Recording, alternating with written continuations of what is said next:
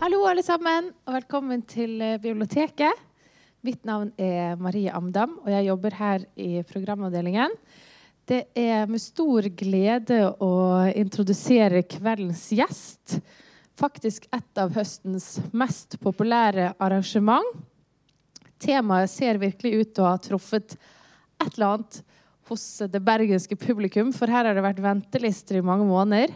Så dere som er her, må føle dere ekstremt heldige som har fått eh, plass. Eh, vi har i dag besøk av Anne Margrethe Konov Lund. Hun er pensjonert lektor i geografi, historie, italiensk og fransk, og har da fransk som hovedfag. Hun har reist mye i sitt liv, og hun har også jobbet som guide. Og det har kanskje noe å gjøre med det hun skal snakke om i dag.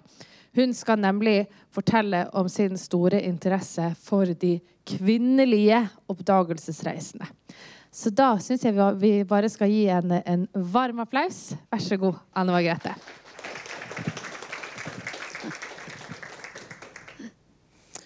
Altså, da jeg var liten og i oppveksten, så ville jeg bli oppdagelsesreisende. Og det var så kjekt å ha et klart svar når det tradisjonelle spørsmålet 'Hva skal du bli når du blir stor?' kom fra de voksne. Nå er det en stund siden jeg var liten, og også en stund siden oppveksten. Og man kan jo si at steder på jorden å oppdage, det er blitt færre ettersom min alders økte. I dag er det ikke så mye mer å oppdage. Men oppdagelsesreisens historie det har fascinert meg hele livet. Disse menneskene som drevet av umåtelig nysgjerrighet og trangen til å finne nytt land, som Nansen og Amundsen f.eks., de drog ut i det ukjente. Når jeg sier menneskene, så var det jo praktisk talt alltid mannlige oppdagelsesreisende det dreide seg om når berømte oppdagelser ble omtalt. Skriftlig og muntlig. Men i de senere årene så er det blitt mer interesse for de kvinnelige oppdagerne. Og det var ganske mange av dem, særlig på 1800-tallet. Og da f.eks. Afrika hadde mange hvite flekker på kartet. Og de, eh, altså kvinnene, de var som regel engelske. Og noen av disse skal jeg fortelle om i det følgende, med særlig fokus på disse fra det 19. århundret, men også en fra det 20. århundre.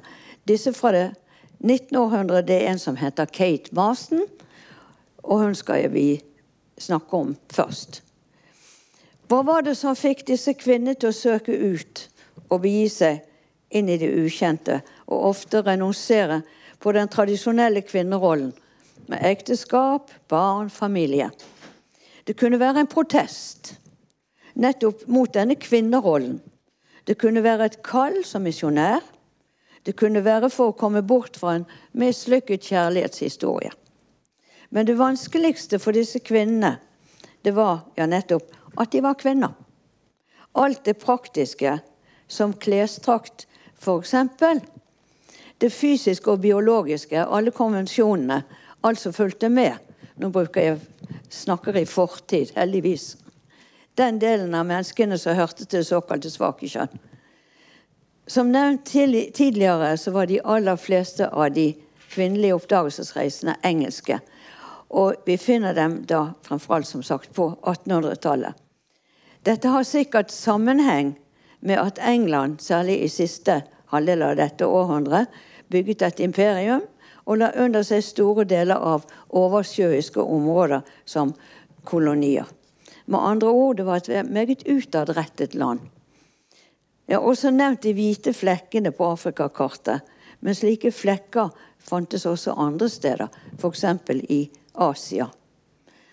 Så dette fører oss til den første av disse female explorers jeg skal snakke om, nemlig Kate Marston. Kate Marston hun fikk kallet til å være misjonær i siste halvdel av 1800-tallet. Hun var det som på engelsk heter 'missionary nurse'. Og hennes første jobb var i Bulgaria, der hun pleiet soldater som var såret i krigen mellom Russland og Tyrkia.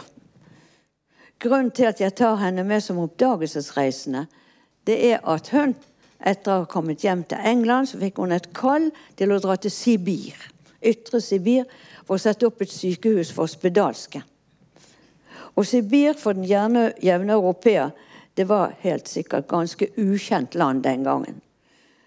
Så nå kan, lar vi henne selv fortelle. Det var fra, 18, det fra 1891, og det var før den transsibirske jernbanen ble bygget. Jeg leser høyt. Det var vinter, og vi drog med slede om natten gjennom skoger som var peppered with a gleam of wolf's eyes. Sleden for av gårde i vill fart. Farten skyldtes den sterkt beruste kusken, og det hendte at sleden veltet, og hele reisefølget falt ut i sneen. Som hun sier med britisk flegma, vi visste ikke om vi skulle le eller gråte. Vi foretrakk det første og ventet muntert på hva som nå kom til å skje. Og denne spedalskolonien på den andre siden av jorden, den var forferdelig. Hun kom som en engel fra himmelen, slik disse stakkars menneskene oppfattet henne. Så var det Mary Kingsley. Den mest kjente av de engelske kvinnelige da, oppdagelsesreisende i skjørt, får vi si. Det må være denne damen. Hun levet fra 1863 til 1900. Hennes område var Vest-Afrika, som hun besøkte mange ganger som forsker, og som, ja, som oppdagelsesreisende. Hun var både naturvitenskapelig skolert i biologi og særdeles nysgjerrig på faget man i dag kaller sosialantropologi, altså studier av mennesker og det menneskelige samfunn. Når det gjaldt biologi, samlet hun sjeldne fisk, planter og insekter. Og når det gjaldt studier av mennesker, så dro hun inn i det den gang nokså ukjente Afrika, bl.a. for å studere fetisjer. Hun reiste innover i det mørke fastland, på elvene der hun padlet selv. I det indre støtte hun på fangfolket, eh, en, en stamme, da, eller i deres landsby, fikk sove i høvdingens hytte. Hun forteller jeg våknet om morgenen av en kraftig lukt som viste seg å stamme fra en liten pose som hang rett fra taket. Etter å ha pakket ut posens innhold fant jeg en menneskehånd, tre store tær, fire øyne og to ører. Hennes saklige kommentar er som følger hånden var fersk, resten så som så. Fangfolket sier hun er kannibaler av valg, ikke bare for ofring og religiøse følelser. Og det de verdsetter høyest som fetisj, er øyeeplet fra en hvit mann. Og som et stjerneeksempel på britisk understatement så sier hun jeg hater overtro av denne typen. Mary Kingsley hun ble etter hvert en meget kjent og anerkjent vitenskapsmann i England og ellers i det skolerte Europa. Hun skrev bøker som ble bestselgere, som f.eks. hennes andre bok 'Travels in West Africa', Kongo Francaise, Corisco and Cameroons. Var på 730 sider. Og naturligvis som kvinne som bega seg inn på det som tradisjonelt var mannens område, så ble hun parodiert. Mary Kingsley døde i Syd-Afrika under boerkrigen, der hun arbeidet som frivillig med å pleie boerske krigsfanger. Hun fikk tyfus og døde bare 37 år gammel. Før jeg går over på neste kvinnelige oppdagelsesreisende, Alexandra David Neal, som som explorer stort sett hører til på 1900-tallet, så vil jeg si litt om hvordan disse damene, særlig de på 1800 og før, kledde seg når de var ute på sine ekspedisjoner. Og om hvordan de reiste. Uttalelsen 'The blessings of a thick skirt' tilskrives Mary Kingsley da hun ute i jungelen falt ned i en dyregrav der bunnen var dekket av ca. tolv tommer lange elfenbenspigger. Og der hun ifølge henne selv satt with the fullness of my skirt tucked under me in comparative comfort, holding lustily to be hauled out. Og når hun reiste i bushen, hadde hun på seg et tykt ullskjørt, en høyhalset bluse med puffermer og på hodet en søt pilleeske. Vi har hørt om samme Mary Kingsley som padlet på afrikanske elver. Ellers tok man seg frem på kamel, til hest, eller man ble båret. Men naturligvis, man hadde som regel med seg bærere.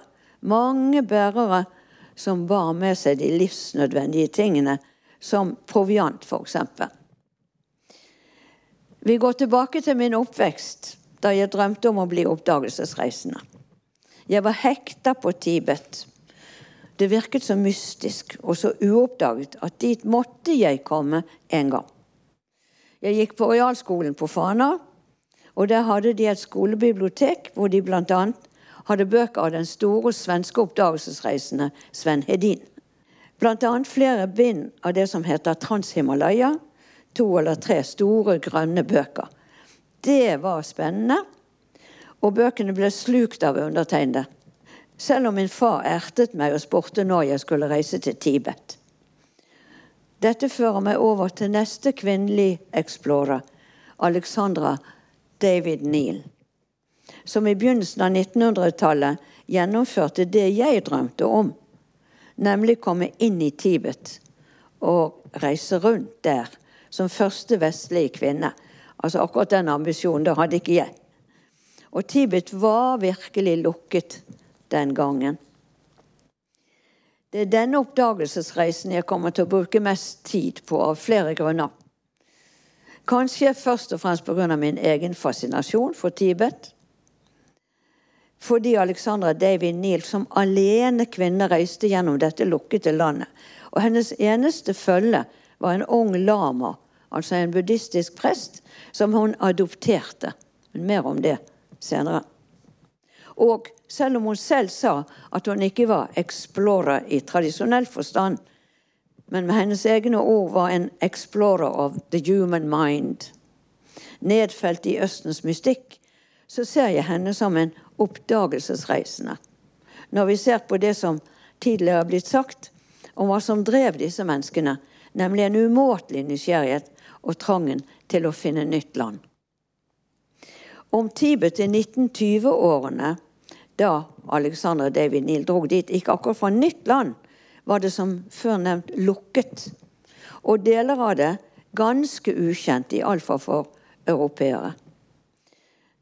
Alexandra David Neal var fransk. Hun var født i Paris i 1868 og døde i 1969. Hun ble med andre over 100 år.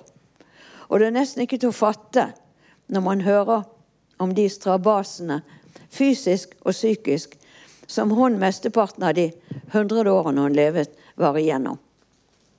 Strabasene skal vi høre mer om senere, særlig under hennes reiser i Tibet.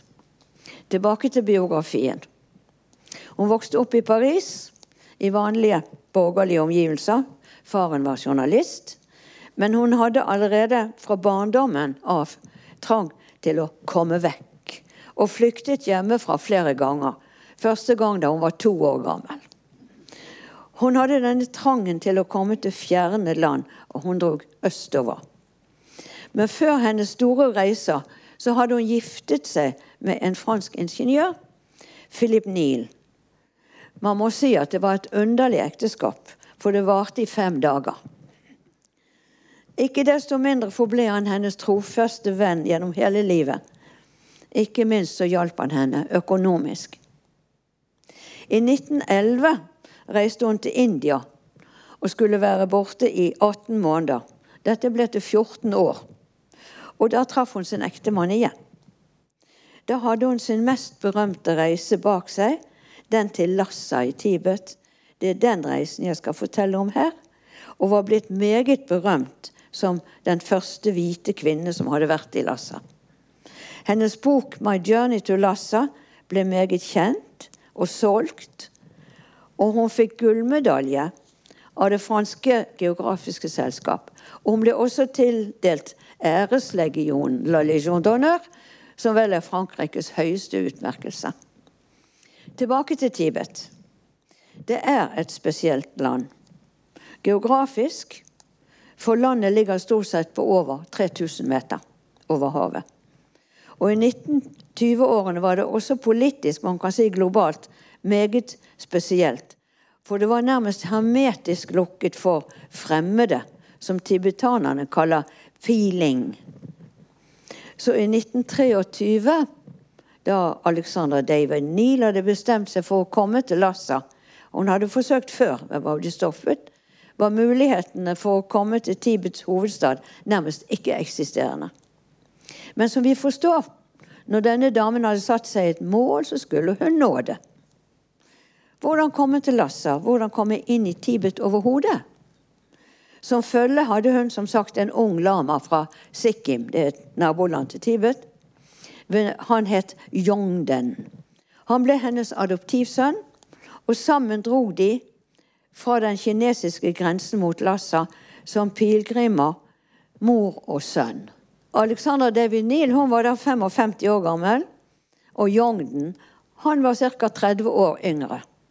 Han var innfødt geistlig og vokste opp i og med kulturen og religionen som gjennomstrømmer land og folk i denne delen av verden. Men hvordan skulle en middelaldrende fransk kvinne te seg, for ikke å snakke om kle seg, for å se ut som en tibetansk pilegrim? Og det måtte ikke være tvil om at det var det hun var. Beskrivelsen av forkledningen er kostelig. Hun forlenget sitt eget hår med kullsort hår fra jakkoksen. Og for å bli helt mørk i håret, så gnidde Eller gne, heter det kanskje. Det inn med kinesisk svart blekk. Hun hengte store øreringer i ørene og smurte ansiktet inn med en blanding av kakao og knust trekull. Og klesdrakten, en lang kjortel, som for øvrig også var hennes teppe om natten. Hun og Jongden sov svært ofte ute. Og på hodet hadde hun en tibetansk hatt som hun fant. Som pilegrimer måtte de to reise som de gikk og sto. Mat og nødvendige forsyninger, f.eks. For te, det bar de på ryggen. Også et telt som enkelte ganger ble brukt som dyne når de sov ute. I hånden bar de en tiggerskål, og det var det hele. I Tibet var det iallfall den gangen mange ville dyr, bl.a. pantere.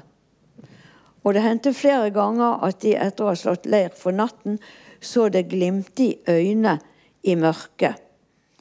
Og de sjelden en flekkete pels. Et eksempel på Alexandra David Niels kaldblodighet en aften da en slik søt en nærmet seg, det er følgende.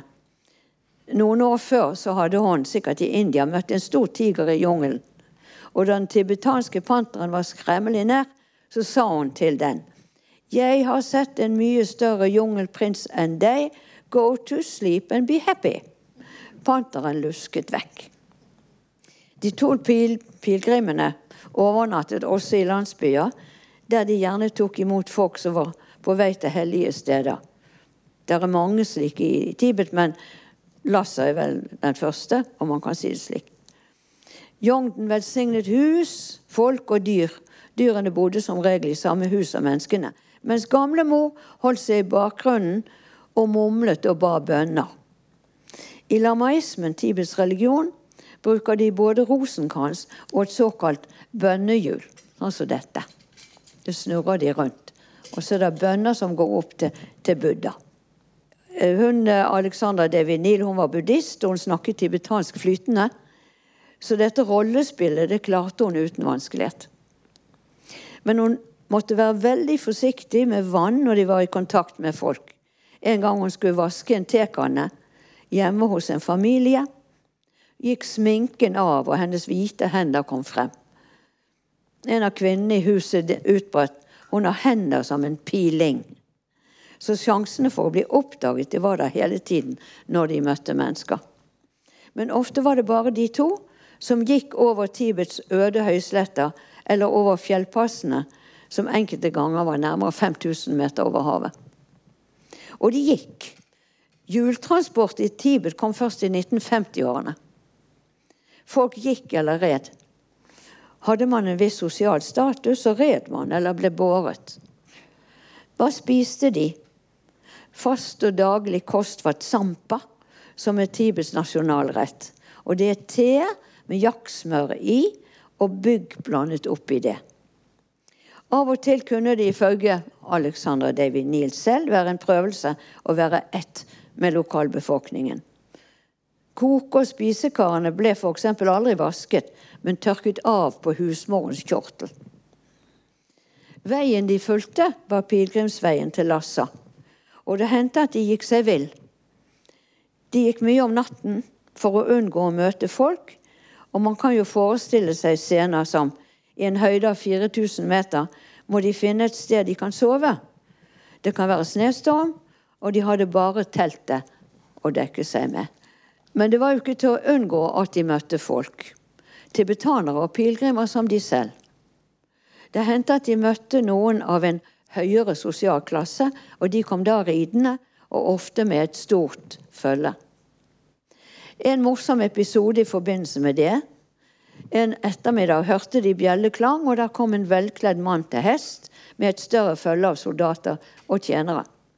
Som pilegrimer kastet de seg respektfullt til jorden, og Alexander David Neal ba ydmykt den store mann om en almisse. Han ble tydeligvis rørt og gav en mynt til Jongden, som ropte henrykt, Mor, se hva denne edle Herren gir oss. Herren smilte, og for å uttrykke sin takknemlighet, så gjorde Alexandra David Neal det man gjør i Tibet når man skal si tusen takk. Hun rakte tunge til ham så godt hun maktet. Det manglet ikke på dramatiske episoder der det likefrem gikk på livet løs. Som f.eks. da de skulle over en elv, en stor, stri, fossende elv, og måtte krysse den hengende i en kabel ca. 60-70 meter over elven. Alexandra David Neal ble bundet sammen med en ung jente som et stykke utpå sa at kabelen holdt på å ryke. Der hang de og dinglet. Mennene på land de klarte å fikse det. Og da de sto på den andre siden, sa Jongden, som var kommet trygt frem, at hans gamle mor hadde hatt en grusom opplevelse, men et godt måltid ville gjøre henne godt. Noe av det mest betagende ved Alexandra David Niels skildring av ferden mot Lassa er beskrivelsen hennes av naturen, som er mektig, og i denne høyden med et lys som av og til må være nesten overjordisk, bokstavelig talt. Som da hun og hennes følgesvenn begir seg inn i Po, et fullstendig øde område i den nordøstlige delen av Tibet, omtrent ubebodd. Og der andre tibetanere sier at de få menneskene ser det, de er kannibaler. Gjennom disse øde traktene gikk de, og slapp etter hvert opp for mat. Så i fem dager så levet de bare på, stort sett på vann som de varmet. Men de kom frem til Lassa etter fire måneders vandring. De ble i Lhasa i to måneder og levet der også helt integrert i befolkningen. Dvs. Si de bodde på et slags herberge for pilegrimer. Og hele tiden måtte Alexandra Davy Neal passe på ikke å bli oppdaget, for ikke å si avslørt. Og det kunne innimellom være, innimellom være ganske nervepirrende. Hun var jo vitterlig eneste hvite kvinne i denne hellige by. Lamaismens Roma, som hun sier selv. Eh, de siste årene av sitt liv bodde hun i Syd-Frankrike. Og da hun hadde passert de hundrede år, så gikk hun til det lokale passkontoret i Basse-Alp, altså et fylke nede i Frankrike, for å fornye passet. Det fortelles at den lokale prefet han ble très surpris, hvilket på godt norsk nærmest betyr at han fikk hakeslepp. For å konkludere de tre jeg har snakket om, disse damene de står for meg som virkelige heltinner. Som før sagt ikke bare trosset de alle fysiske og psykiske vanskeligheter, men de trosset konvensjoner. Og det skal det mot til. Og til slutt noen råd til reisende, med særlig henblikk på reisende enslige damer. Råden kommer fra Freya Stark. Hun eh, reiste nå ikke alltid alene, men eh, disse rådene det kan dere lese selv. Altså evnen til å gjøre bruk av dumme menn og utilstrekkelige redskaper med like stor letthet. Evnen til å ignorere fysisk ubehag. Evnen til å hvile og spise når og om det faller seg.